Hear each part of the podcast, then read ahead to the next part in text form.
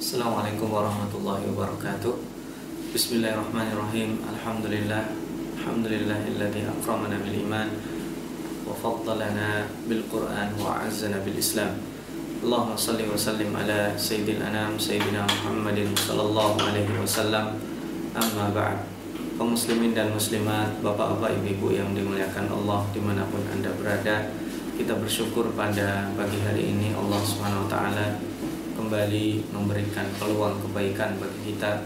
Mudah-mudahan kemudahan yang Allah berikan berlanjut bagi terbukanya pintu-pintu kebaikan dan kemudahan yang mudah kita lakukan juga dilakukan oleh orang-orang yang ada di sekitar kita. Allah masih melanjutkan halaqah tadabbur pada kesempatan pagi hari ini. Kita akan uh, kembali menadaburi surah An-Nisa yang pada pertemuan sebelumnya sudah dibahas bahwa An-Nisa atau perempuan merupakan uh, salah satu sendi pokok yang ada di tengah masyarakat. Dan karenanya Allah Subhanahu wa taala memberikan perhatian yang uh, cukup uh, porsinya yang sangat besar. Dan terutama Islam atau Allah SWT memiliki kepentingan untuk mengangkat derajat perempuan uh, menjadi derajat yang mulia yang sebelumnya dianggap hanya setengah manusia atau bahkan disetarakan dengan benda yang dianggap sebagai properti maka uh, dengan turunnya surat An-Nisa ini Allah SWT memberikan genderang bahwa peradaban jahiliyah harus diakhiri. Kita sudah juga membicarakan tentang uh, hak-hak uh, yang harus diterima oleh perempuan terutama dimulai dari kemudian terangkatnya mereka dari kezaliman yang uh, terjadi pada waktu itu yaitu sejarah bagaimana uh, para perempuan-perempuan yatim itu diadopsi dengan tujuan yang uh, tidak mulia sampai kemudian Allah memberikan wasiat untuk bagi mereka mendapatkan pengelolaan ekonomi, mendapatkan hak atas warisan dan pada kesempatan kali ini nanti kita akan membahas lebih detail. Pada halakoh ke-78 kita akan membahas ayat ke-7 sampai ayat ke-11 Bismillah ta'ala. A'udzu billahi minasyaitonir rajim. Lirijali nasibum mimma tarakal walidani wal aqrabun وللنساء نصيب مما ترك الوالدان والأقربون مما قل منه أو كثر نصيبا مفروضا bagi laki-laki mendapatkan uh, nasib bagian uh, dari apa yang ditinggalkan oleh orang tua dan kerabat-kerabat mereka yang ada hubungan uh, darah ya. Dan juga demikian bagi para perempuan mendapatkan nasib bagian dari yang ditinggalkan oleh kedua orang tua atau kerabat yang meninggal entah itu sedikit ataupun banyak. Dan ini merupakan ketentuan dari Allah SWT terhadap bagian-bagian tersebut.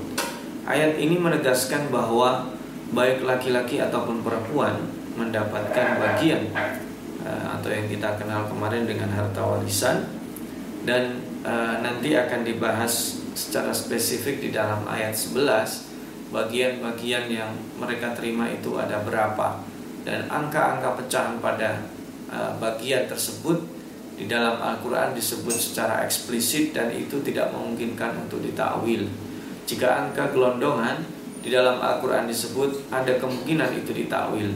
7, 10, 100, 700 dan sebagainya ada kemungkinan itu bisa ditakwil. Tetapi kalau angkanya adalah sepertiga setengah seperempat maka itu uh, angka eksplisit yang uh, tidak memungkinkan untuk ditawil. Wa idza hadara al-qismata ulul qurba wal yatama wal masakin minhu wa qulu lahum qawlan. Menariknya adalah pada kesempatan kali ini Allah Subhanahu wa taala memberikan peluang bagi mereka yang tidak termasuk ahli waris yang mendapatkan hak yaitu bagi mereka orang-orang yang datang pada saat harta tersebut dibagikan baik mereka merupakan kerabat dekat ataupun kerabat jauh atau bahkan orang-orang miskin dan orang-orang yatim yang menyaksikan pembagian tersebut itu istilah kita ketika Allah Subhanahu wa taala katakan farzukuhum Wa idza hadara al-qismata ulul qurba wal yatama wal masakinu farzuquhum. Ini kalau istilah kita adalah uang dengar. Jika ada kerabat yang menghadiri pembagian harta warisan sementara mereka tidak mendapatkan hak waris, entah itu karena memang bagiannya tidak ada atau yang dikenal dengan mahjubun atau entah mereka mendapatkan asobah sisa tetapi ternyata sisanya tidak ada. Ketika sudah dibagi maka selayaknya mereka juga mendapatkan uh, farzukuhum ini adalah anjuran untuk mereka mendapatkan uh, bagian uh, dari uang dengar itu. Nah, yang menarik adalah yang kedua selain mendapatkan bagian tersebut Allah Subhanahu wa taala memerintahkan kita wa qulu lahum qawlan ma'rufa. Jadi kita katakan kepada mereka bahwa harta warisan ini kenapa si fulan tidak dapat, si fulan dapat, si A dapat, si B tidak dapat. Ini karena adalah ketentuan dari Allah Subhanahu wa taala. Dan qaulan ma'rufa di sini bukan hanya sekedar menjelaskan ini ketentuan Allah sehingga Anda dapat, Anda tidak dapat, tetapi qaulan ma'rufa ini juga menjelaskan bahwa sesungguhnya harta yang dibagikan itu e, tidak seberapa. Yang lebih penting daripada harta tersebut adalah ikatan persaudaraan yang harus dijaga karena uh, al-ukhuwah yang based on uh, nasab dan uh, rahim jika tidak dijaga dia akan menjadi bumerang dan jika tidak dijaga dia akan menjadi uh, permusuhan yang lebih dahsyat. Wal yakhshal ladina law taraku min khalfihim dzurriyyatan di'afan khafu 'alaihim falyattaqullaha wal yaqulu qawlan sadida maka seharusnya selayaknya jika ada kecemasan maka kecemasan yang patut kita uh, pikirkan adalah jika ini kalau kita menilik dari ayat ini lautaraku min khalfihim. Jika kita meninggalkan uh, meskipun di sini bahasa jika mereka meninggalkan uh, setelah mereka nanti meninggal satu kondisi uh, yang membuat keturunan-keturunan kita itu lemah. Lemah di sini pada saat kita membicarakan konteksnya adalah membicarakan tentang harta seolah-olah yang dikhawatirkan adalah kelemahan ekonomi saja padahal sebenarnya lautaraku min khalfihim dzurriyyatan di'afa di sini di'af yaitu kelemahan yang dimulai dari kelemahan akidah kemudian kelemahan ekonomi kelemahan fisik kelemahan sosial, kelemahan pendidikan, dan kelemahan-kelemahan yang lainnya. Khafu alaihim dan kita memang bukan hanya sekedar yahsya di sini digabung ya wal yahsya yaitu khasyah yang kedua khafu alaihim. Kecemasan inilah yang sebenarnya harus kita pikirkan meninggalkan generasi setelah kita serba lemah. Yang terutama adalah lemah akidahnya sehingga mereka tidak terproteksi dari gangguan-gangguan akidah dan ini yang sangat luar biasa dahsyatnya yang dilakukan oleh Ibrahim alaihissalam Nabi Ibrahim bagaimana memproteksi generasi setelahnya dengan security awareness uh, yaitu adalah titik beratnya bagian akidah. Maka pesan Allah Subhanahu wa taala menarik di sini. Lalu apa sebagai antisipasi kelemahan kelemahan tersebut? Maka Allah perintahkan falyattaqullah. Maka bertakwalah kalian. Ketika kita bertakwa itu merupakan fondasi utama sehingga uh, untuk meninggalkan generasi setelah kita, setelah upaya-upaya kita lakukan dengan proporsional, mungkin kita kuatkan akidah anak-anak kita, keturunan kita, kita siapkan uh, fondasi pendidikannya, uh, kemudian karakter buildingnya, kemudian kita siapkan perangkat uh, mereka hidup dengan basic life standar yang paling minimal. Secara ekonomi mereka memiliki kesiapan dan uh, kemapanan dan serta kemampuan kemudian uh, secara sosial mereka mampu berinteraksi dan mempengaruhi dan tidak terpengaruh. Kemudian ada eh, titik-titik uh, lain yang uh, kita sudah lakukan maka tinggal kita bertawakal kepada Allah. Maka makna falyattaqullah itu dalam. Maka falyattaqullah adalah ketika seseorang sedang menyiapkan generasi-generasi setelahnya maka persiapan pertama adalah dari dirinya yang menyiapkan bertakwalah kepada Allah dan bertakwalah kepada Allah adalah dimensi akidah yang diperkokoh, maka kekokohan dan kekuatan di dalam keluarganya itu merupakan satu hal yang uh, uh, merupakan fondasi yang sangat pokok dan sangat utama. Nah, ketika sudah dilakukan secara proporsional persiapan-persiapan tersebut, maka falyattaqullaha dimensinya adalah dimensi tawakal. Falyattaqullaha adalah dimensinya dimensi dia sudah melakukan persiapan secara manusiawi sekarang uh, baginya uh, memberikan ruang-ruang takdir untuk uh, bertemu dengan keturunan-keturunan dan orang-orang yang datang setelahnya. Falyattaqullaha wa liyaqulu qawlan sadida maka hendaknya dia berkata-kata dengan kata-kata yang benar. Jika tadi adalah qaulan ma'rufa diberikan kepada ulul arham kepada kerabat, kepada orang-orang yang mendatangi dan menyaksikan pembagian waris, maka di sini dalam persiapan sebelum itu datang, sebelum kita meninggal, sebelum orang yang akan mewarisi harta dan lain-lainnya, maka setelah bertakwa kepada Allah, waliyaqulu qaulan sadida.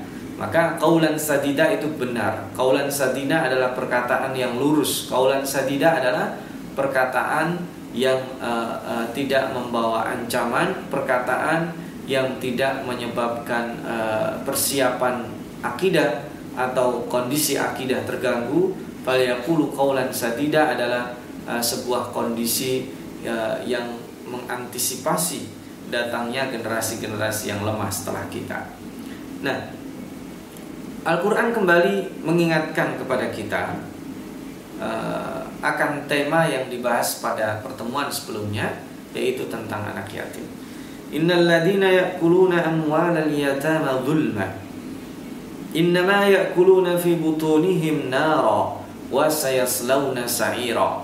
Sesungguhnya orang-orang yang memakan harta anak yatim dengan zalim maka dia sama dengan memakan sebuah makanan atau memakan memberikan asupan masuk ke dalam perutnya berupa api neraka yang menyala-nyala.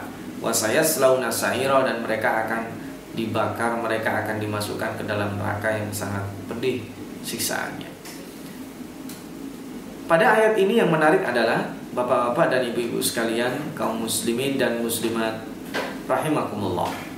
Allah Subhanahu wa taala mengingatkan kita agar berhati-hati ketika kita menyantuni anak yatim atau mengkafil anak yatim. Pada ayat sebelumnya kita sudah membahas bahwa untuk menyantuni anak yatim, mengkafil anak yatim itu tidak disyaratkan menjadi orang kaya. Karena paman kana ghaniyan falyasta'fif. Yang kaya dia harus ifa, selayaknya ifa. Wa man kana faqiran falyakul bil ma'ruf. Kalau dia adalah orang yang miskin maka dia mengambil harta anak yatim itu secukupnya sebagai uh, uang operasional pengelolaan dia tidak terlalu rakus dan tidak terlalu banyak dia pakai untuk dirinya. Maka di sini yang menarik adalah oh, kita diingatkan kembali kaidahnya mulia sekali tuju, uh, tujuan kita untuk mengkafil anak yatim tapi hati-hati. Sesungguhnya orang-orang yang memakan harta anak yatim adalah sama dengan memakan memakan api sama dengan memasukkan api ke dalam perutnya. Nah, ini yang pertama. Yang kedua secara linguistik kebahasaan Allah Subhanahu wa taala mengambil uh, satu diksi yang kuat. Innal ladina yakulun. Sesungguhnya orang-orang yang memakan. Faktanya nanti harta anak yatim yang uh, uh, dikorupsi diambil dimakan itu sesungguhnya tidak hanya digunakan untuk makan. Digunakan untuk yang lain-lainnya. Lalu kenapa Allah Subhanahu wa taala di sini mewakilkan perbuatan-perbuatan tersebut dengan dengan kosakata yakulun atau yang berarti memakan. Ini adalah sebagai fungsi pokok ketika seseorang mencari harta. Orang mencari harta, bekerja pagi, mendapatkan e, nafkah di sore hari atau bekerja di awal bulan, mendapatkan harta di akhir bulan, bekerja dan kemudian mendapatkan gaji serta sebagainya, maka fungsi pokoknya penyaluran distribusi utamanya itu adalah untuk makan. Adapun sisanya dia mengikuti. Karena orang ketika kebutuhan pokoknya yaitu makan, ya, pangan dan sandang itu sudah tercukupi, baru dia akan e, berlari atau melihat kebutuhan-kebutuhan yang lainnya. Nah, di sini yang menarik adalah e, Allah menegaskan kembali zulman. Zulman di sini sebagai penguat. Meskipun sebenarnya innalladzina ya'kuluna amwalal yatama itu bisa jadi tidak zalim. Karena kalau yang menzalim dia tidak memakan bahasanya. Dia yunfik, dia menafkahkan, dia memakai sebagai uang operasional. Jadi zulman di sini sebenarnya e, bukan keterangan saja, tapi di sini menguatkan. Sesungguhnya orang-orang yang memakan harta anak yatim itu saja sudah cukup. Tapi zulman di sini adalah untuk memberikan efek bahwa itu adalah jenis kezaliman. Innama yakuluna fi butunihim nara maka sesungguhnya mereka itu adalah orang-orang yang memakan api di dalam perutnya. Maka Allah akan ancam wasaya selauna sa'ira. Nah, sampai kita pada ayat yang ke-11 ayat yang secara detil akan membahas tentang warisan angka per angka. Yusikumullahu fi auladikum lidzakari mithlu hadzil unsayain Allah memberikan wasiat. Ini yang bahasa yang menarik. Jadi wasiatnya langsung dari Allah. Kita diberikan wasiat untuk apa? Untuk membagi harta warisan. Jadi kalau kita berbicara harta ada e, tiga jenisnya ketika harta itu distribusi. Maka kalau harta warisan ini termasuk adalah harta yang e, pembagian dan distribusinya setelah e, yang memiliki harta meninggal. Tapi kalau ada pembagiannya dilakukan sebelum meninggal, kemudian dilaksanakan distribusinya setelah meninggal itu disebut dengan wasiat. Tapi kalau ada hak pembagiannya dan distribusinya sebelum orang meninggal itu disebut dengan hibah. Nah, Islam mengatur ketiganya. Dalam Islam dikenal hibah. Jadi kalau saya memiliki harta, saya bagi sekarang, saya laksanakan sekarang pembagiannya, itu disebut dengan hibah. Kalau saya memiliki harta, saya bagi sekarang dan itu maksimal hanya sepertiga. Kemudian nanti tolong dilaksanakan setelah saya meninggal, itu disebut dengan wasiat. Tapi kalau waris, saya membagi atau tidak, setuju atau tidak, kalau saya tiba-tiba meninggal atau kemudian meninggal, maka harta itu secara otomatis akan dibagi dan didistribusikan setelah orang yang memiliki harta meninggal dunia. Nah, ini tiga-tiganya diatur di dalam agama kita dan saat ini kita membicarakan tentang uh, harta warisan. Bahasa Allah adalah yusikumullah. Allah berwasiat supaya kita benar-benar melakukannya fi auladikum terhadap anak-anak kita meskipun memang sebenarnya kita tidak tahu uh, siapa yang meninggal duluan, apakah ayahnya ataukah ibunya ataukah anaknya. Tetapi ini berbicara dalam kondisi normal ketika orang tua meninggal maka Allah berwasiat kepada anak-anak mereka. Apa itu? Lidzakari mislu hadzil unsayain, maka bagi eh, anak-anak laki-laki mendapatkan bagian uh, dua orang perempuan. Nah, ayat ini yang sebenarnya sering dijadikan senjata para feminis untuk memukul agama kita bahwa eh, laki-laki adalah dua kali lipat bagian perempuan atau perempuan mendapatkan bagian setengah dari laki-laki yang ini juga uh, sebagai pertanda menurut mereka bahwa Islam setengah-setengah dalam mengangkat derajat perempuan. Faktanya tidak demikian. Kalau kita berbicara hukum warisan, hukum warisan adalah hukum integral yang harus difahami semua, tidak bisa difahami secara parsial. Benar, dalam kondisi tertentu perempuan mendapatkan bagian setengah dari laki-laki, dalam kondisi tertentu eh, laki-laki mendapatkan bagian dua kali lipat perempuan, tapi itu kalau di dipikir-pikir atau kalau ditelusuri nanti dipraktekkan dalam hukum warisan yang integral tadi, maka sebenarnya kondisi tersebut hanya sedikit. Ada kalanya nanti perempuan mendapatkan bagian yang sama persis dengan laki-laki. Ada kalanya bahkan perempuan mendapatkan bagian dua kali lipat dari laki-laki. Dan ada kalanya bahkan perempuan mendapatkan bagian sementara laki-lakinya tidak mendapatkan bagian Meskipun secara teori mungkin dapat karena ketika perempuan mendapat bagian pasti, laki-laki mendapat bagian e, asobah dan faktanya harta sudah habis, maka asobah atau sisa tidak bisa dibagikan. Nah ini yang e, tidak kita pahami dan jumlah kondisinya sangat beragam dan cukup banyak. Kita hanya terkonsentrasi pada lidzakari mislu hadil unsayin yang merupakan senjata para feminis untuk memukul uh, bahwa Islam itu setengah-setengah di dalam mengangkat derajat perempuan. Nah, padahal tidak demikian. Ini kasus ini terjadi ketika uh, seorang mayit atau seorang yang meninggal dunia meninggalkan anak-anak, ada yang laki-laki, ada yang perempuan. Betul, itu kondisinya adalah laki-laki mendapatkan bagian dua kali lipat dari perempuan. Fa'inkunna nisa'an Jika mereka adalah jumlahnya di atas dua dan itu banyak, maka mereka yang banyak itu mendapatkan bagian dan berupa dua per tiga. Jadi dua per tiga dari harta yang ditinggalkan dan itu jumlah yang cukup besar. Wa ingkanat wahida jika mereka seorang perempuan saja, falah nisf maka dia mendapatkan uh, bagian setengah dari harta yang ditinggalkan si mayit. Wali abawaihi likulli wahidin minhum as-sudusu mimma taraka in lahu walad. Jika seorang mayit memiliki dua orang tua ya dan e, mereka memiliki seorang anak laki-laki maka e, dua orang tua tersebut mendapatkan seperenam Wa illam yakun lahu walad, sementara jika si mayit itu tidak punya anak, ya. Wa warithahu abawahu fali ummihi sulus. Kalau orang tua si mayit ini e, kalau si mayit meninggal, kedua orang tuanya akan mendapatkan e, bagian yang khusus jika e, si mayit memiliki seorang anak laki-laki, yaitu e, akan diwarisi oleh e, ayah dan ibunya dan untuk khusus ibunya akan mendapatkan sepertiga. Nah, ada kondisi lain lah. E, ada kondisi lain kalau kemudian ternyata si mayat punya saudara. Jadi punya saudara, maka bagi ibunya hanya mendapatkan seperenam saja. Mimba'li wasiyati yusibiha audain. Dengan catatan bagian-bagian tersebut itu dibagi setelah wasiat ditunaikan.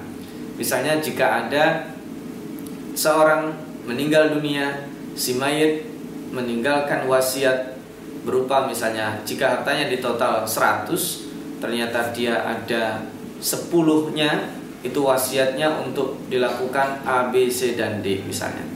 Wajib ditunaikan 10 itu tinggal 90 dan ternyata dia punya hutang juga 10 maka 10 harus dikembalikan kepada orang uh, yang memberikan pinjaman kepada si mayit. Maka setelah dikurangi wasiat yang 10 tadi contohnya kemudian dikurangi lagi 10 sehingga harta yang dibagi bukan 100 dari total harga yang uh, dinominalkan tetapi adalah menjadi 80.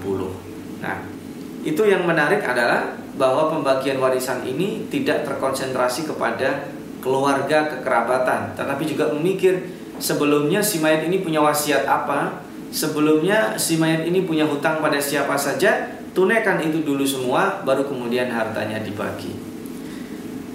Aba'ukum wa abana'ukum la tadruna ayyuhum aqrabu lakum naf'a. Dan kita tidak tahu bapak kita, orang tua kita atau anak-anak kita mana yang manfaatnya lebih besar, mana yang manfaatnya lebih dekat dan bahkan mana yang lebih meninggal lebih terdahulu kita tidak tahu. Karena e, kematian itu adalah rahasia dan takdir Allah Subhanahu wa taala yang tidak bisa kita dahului dengan pengetahuan manusia. Kita boleh tahu tanda-tanda kematian, tetapi fakta bahwa kematian itu tidak bisa diprediksi itu sudah sangat jelas. Bisa jadi ayah yang tak sakit dijaga oleh anaknya tapi anaknya dulu yang meninggal dunia. Bisa jadi kemudian anak itu masih segar, bugar dia yang meninggal atau sebaliknya ayah yang dalam kondisi sedang kuat dia mencari nafkah menjadi penopang keluarganya kemudian tiba-tiba diambil oleh Allah Subhanahu wa taala. Jadi kita tidak tahu la tadruna ayyuhum aqrabu lakum naf'a. Faridatan minallah ini adalah keterangan bahwa yang tadi disebut dari hukum warisan wasiat Allah pembagian yang uh, dianjurkan untuk dilakukan oleh uh, ahli waris itu faridatan minallah. Jadi faridatan itu adalah bentuk mubalaghah dari fardun.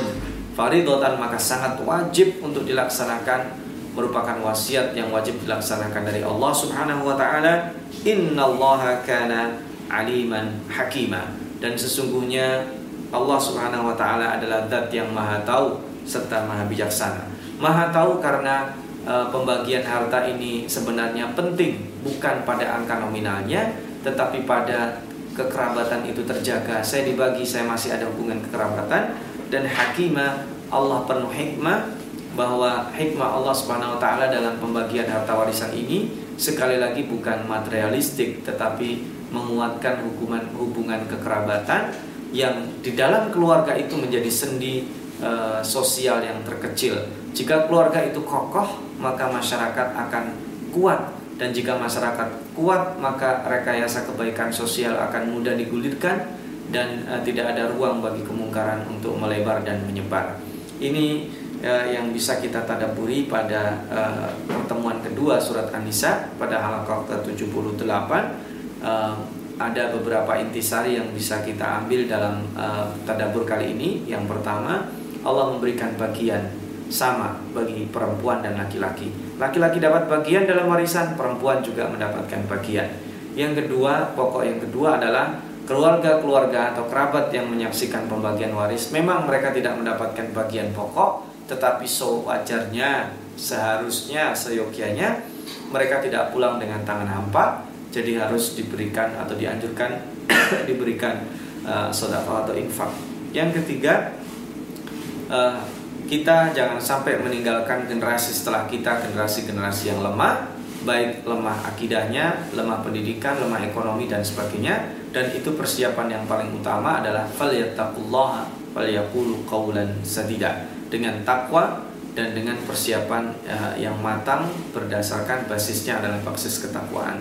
Yang keempat, Allah mengulang lagi bahwa kedaliman yang dilakukan dengan memakan harta anak yatim itu bukan kedaliman biasa, tetapi jenis kedaliman yang sangat besar yang akan berakibat pada murka Allah wa Dan yang terakhir bagian-bagian yang tadi disebut Allah itu secara eksplisit disebut angka pecahannya dan tidak bisa ditawil. Yang kedua eh, dari bagian yang keempat yang eh, kita bahas adalah bahwa betul laki-laki mendapatkan setengah eh, dua kali lipat dari bagian perempuan akan tetapi itu hanya merupakan bagian yang berkenaan uh, khusus eh, anak-anak uh, dan dalam kondisi khusus. Sementara hukum warisan adalah hukum yang sangat integral yang harus dipahami secara utuh. Demikian bahwa ibu-ibu sekalian uh, jamaah halaqah tadabur uh, Quran uh, mudah-mudahan yang sedikit ini bermanfaat uh, memacu kita untuk semakin memperbaiki dan menyiapkan diri serta generasi kita. Aku lu qauli hadza ja'alanallahu wa iyyakum minalladzina yastami'una al-qawla fayattabi'una ahsana. Mohon maaf jika ada kata-kata yang kurang berkenan. Wallahu a'lam bishawab. Wassalamualaikum warahmatullahi wabarakatuh.